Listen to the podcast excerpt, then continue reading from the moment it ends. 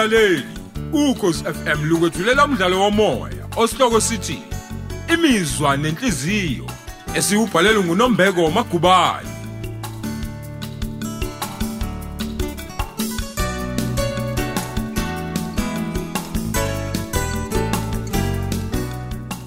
Yamukela isiqephu sesithathu.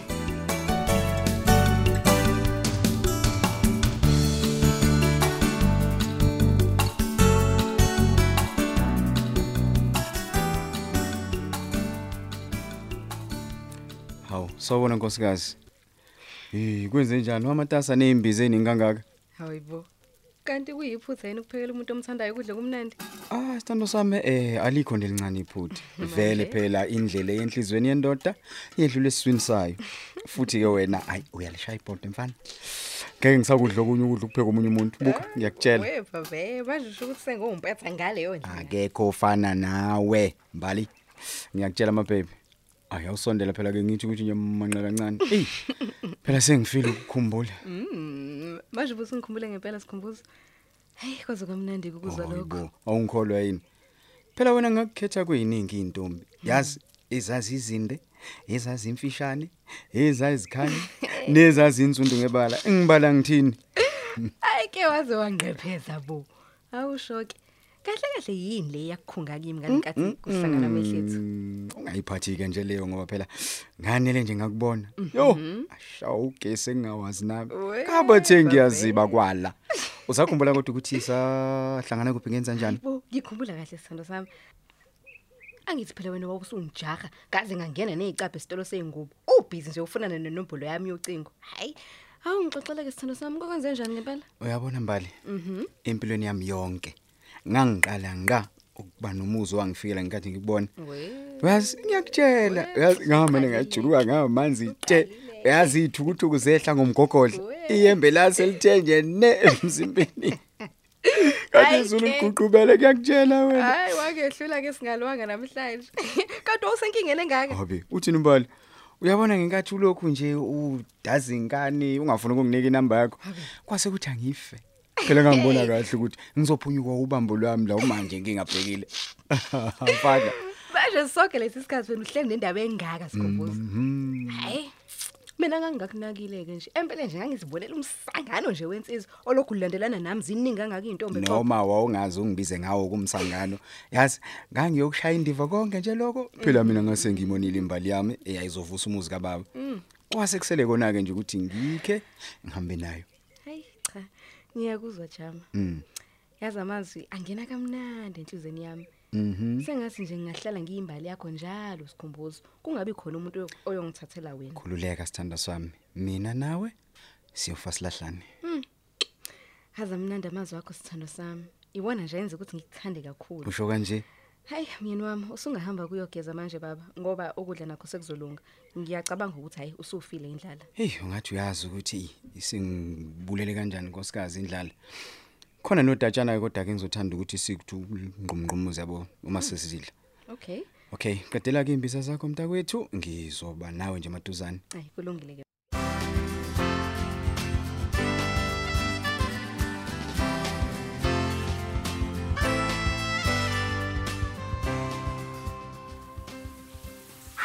ke. Hey, umuntu wazophola kamnandi. Yazi? Kwamane kwaphela ngisho ukukhathala lokho bengikuzwa. Hawu, kuba njalo phela um- uma uqeda ukugeza baba. Mina ngimane ngixakeke nje ukuthi abantu abanqena amanzi baphila kanjani Hayi, impela. hayi yeke ke leyo ngoba phela ngiye ngizwe kuthiwa insila yenza umzimba bebhlungu lume ukuthi uphila kanjani umuntu. Hayi, asiyeke indaba yabantu abahlula ukuzinakekela sikhumbuzo. Sondela ke sithando sami etafuleni sidle. Sengijahe nokuzwa phela indaba lothe uzongixoxela yona. Ah, sithando sami. Bengifuna nje ukwazisa ukuthi kunohlelo esizoliqala lapha esikoleni ukuze phela kusizakale abafundi laba abathanda ukusilela ngemuva ezifundeni zabo yabona. Oh. Ya, ngibe sengicela ke umntwana lo wakwaNgcobo uNosipho ukuthi naye alekelele ngophela uyaboniswa esingisini. Hayibo. Unosipho? Unosipho lo kagogo masibiya. Yena nezingqotho zakhe. Hawu, hawu, hawu. Hey ngaze ngamjabulela ugogo wakhe. Umkhulise kanzima phela lo mntwana. Hey bo. Emva kokushow umama wakhe. Hey sengathi ngaqhubeka bandlenze kahle uNosipho. Hey. Nami ngimfisela nje impumelelo yodwa uNosipho. Phela sithando sami ukukhule ngekho umama kuba nzima kakhulu. Yena kube nenhlanhla ngoba phela ugogo ukhona and usamnakekela. Hey sithando sami. Ngiyakuthanda sikhumbuzo ngoba uyayithanda imfundo. Awulenzanga iphutha ngokuthi ubuthisha. Ey nami ngiyakuthanda mbali wami. Oza phela uzohlala eduze kwami sidle. Emva kokudla ke ngifuna ukukukhombisa ukuthi ngikuthanda ka ka ka nani. Hayi usuqalile ke subuyile phela.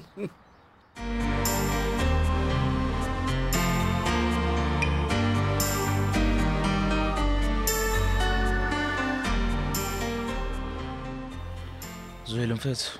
Yazi nginenkinga la mfethu. Mhlawumbe wena ungangisiza nje mfethu. Mhlawumbe siyixazulula. Oh hayi kuyoba ile ntombi yakho ke mfana kithi. Sayenzeni manje? Hey, wazi ngani uthi unosipho mfethu? Yo, lunga mfana kithi abantu besifazane bayohlala beyinkinga nje. Sazalwa kunjalo futhi siyoze sife. Hayi hayi hayi. Musu basukela mfethu abantu besimama. Aha. Awusho mfethu. Shuthi sona sizathu lesisenza wena ukuthi ung- ungabonaboni. Hayi ushaye khona impela lapho lunga. Angithi ngibona nje nawe ukuthi angiguli indawo. Ngibhekene nezincwadi zami nje kwaphela. I- Imake mfethu. Uchaza ukuthi mina ngoba ngiqonyiwe angifundi. Ey ey lunga uyabona nje indaba yamantombazane yenza ukuthi ungagxile ekufundeni ulibale ukucabangana nawo. Hayi mfethu uyaphosisa ke nje lapho mfethu. Oy. Mina mfethu ngiyafunda. Yabo ngiyawenza umsebenzi wami. Kodwa futhi phela ngiyadinga mfethu nokuyijabulisa kancane. Qhubeka nokuyijabulisa lunga. Kodwa ungangibaliseli ke mina ngalezi inkinga zakho zokuqonya ngoba a- ayi cha ngeke ngikwazi ukukusiza. Manje mfethu usho usho ukuthi mhlawumbe ngimshiye. A- a- a- a- Angishongo ke kanjalo. Oh. Ukhumbule phela ukuthi ngangingekho nangesikhathini shelana nize inqomane. Angilazi ngishiye amagama ke nje navumelana ngawo uthi ayithini. Ewu, waze wakhuluma babozwile mfethu. Sengiqane nokutshela inkinga yami mfethu. Hayi, indlela o- indlela ocabanga ngayo ngeke uzongijaja. Kwa kwahle ndoda awu. U- Ungakhuluma lunga ngizokulalela. Mina bengizama ukukutshena khona la ukuthi a- anginaso isixazululo indabeni zothando. Kodwa ke u- ungangibuza noma ikuphi nje okunye yabona. Ukufana mhlawumbe nesibalo semaths sami isintuli ngingaxazululela ke Hayi awungeke, hayi mfethu awungeke nje indaba emethi nje angiyifuna la ehambe khona mfethu. Ah, uyabona ukuthi bengiqinisile. U- Uzophasa kanjani efana kithi kunezifundo ongayithandi? Mfethu anginendaba nayo mfethu. Noma ngayifeyila vele nje iyangihlula. Uyi bo. Kanti ke nayo mfethu lo mem lo umistulu. Ngiyabona nje naye ukuthi akangithandi nje mfethu. Ufethu anathi fethi phakama uyobhala ebhodini. Ngibhaleni mfethu lapha mina. Hayi hayi Musa ke nje ukudlala ngothisha wena lunga. Oh, sonke siyabizwa nje ukuthi sihambe siyobhala impendulo phambili. Hayi mina mfethu angifuni lento. Uyazi izolo mfethu uvete wangibiza ngeibhadi nje vele angubhalile umsebenzi wakhe. Weh. Akangithithisanga kanje mfethu. Wathi nje angimi lapha phambili. Kuyo kuyoze kuphela iperiod yakhe yonke. Oh, ibondoda. Kanti ubusenkinga enjalo. Ngiyakutshela. U- Uyazi ke mfethu eklasini lethu uNosipho nje yena ubemiswe phambili ngoba siqwaqode amakhanda ezivinyweni seEnglish fana kithi. Ngizwile ke mfethu lonto zwile. Hey mfethu, uyasuka udla mina uthi ufuna u- unosipho eh amlekelele.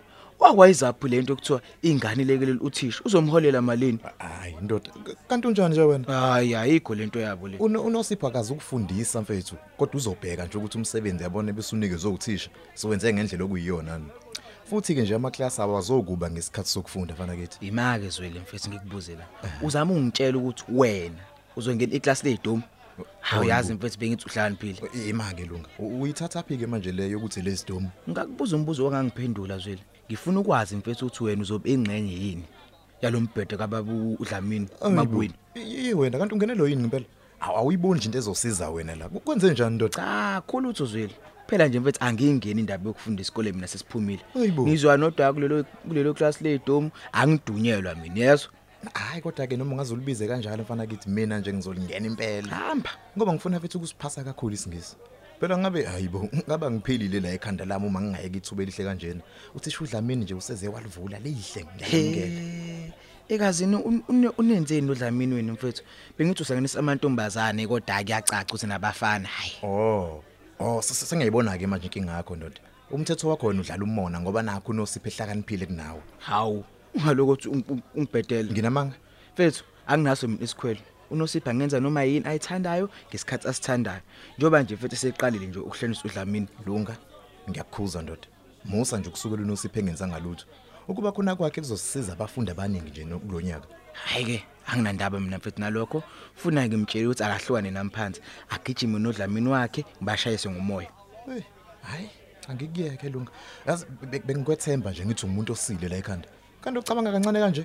Wezwile? Yaba. Awungitshele mfethu. Usuqale nini wena uku- wena ukuba nesixazululo endabeni zothando? angithi mfethu ngithengi xoxela ngeenkinga zami Yeah. wayeqhathulula hlukana namphansi uyezwa cha kulungile lungu angeke ngisaphinda ngisho lutho mfana kithi A- angithembe nje futhi ukuthi angeke uyisole kusasa ngiyabonga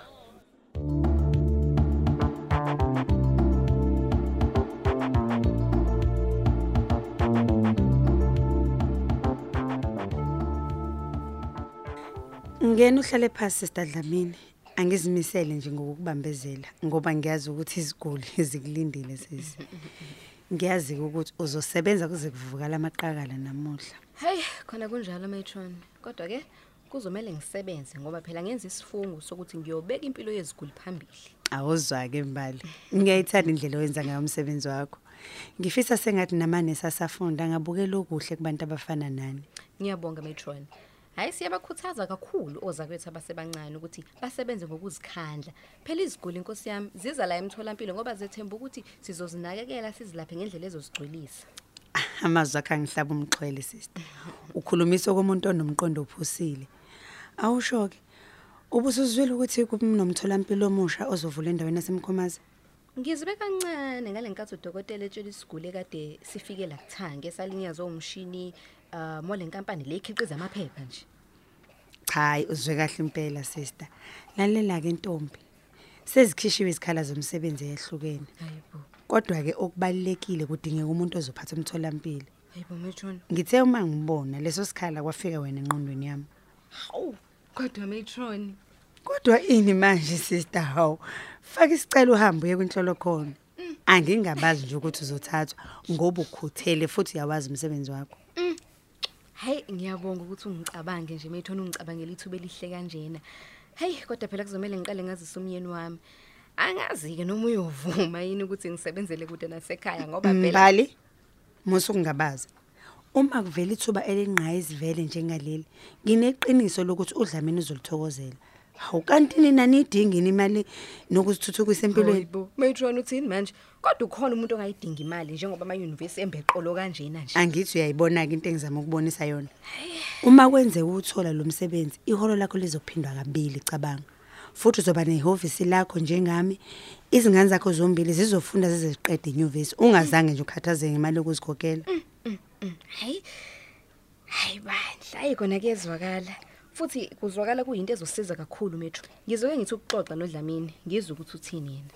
Kulungile ke sister. Thatha nangumqulo nemisebenzi unikeze umabhalani. Ikhona ezokwenzela ikhophi yakho. Ungathathi isikhathi eside ngoba ukufaka kwezicelo kuzovalwa amaduze. Hayi, ngiyabonga kakhulu matron. Ngizodlula ngiyushiye khona manje.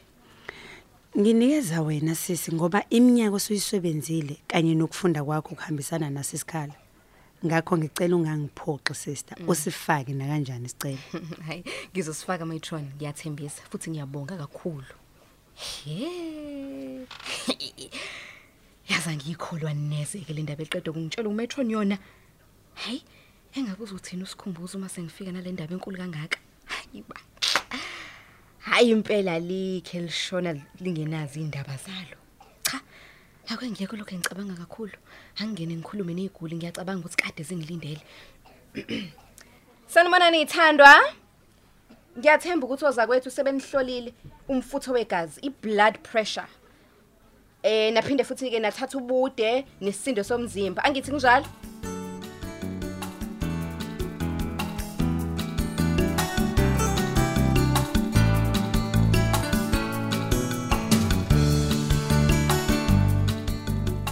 Sisibeka lapho isiqephu sethu imizwa nenhliziyo esethulelwa ukhozi FM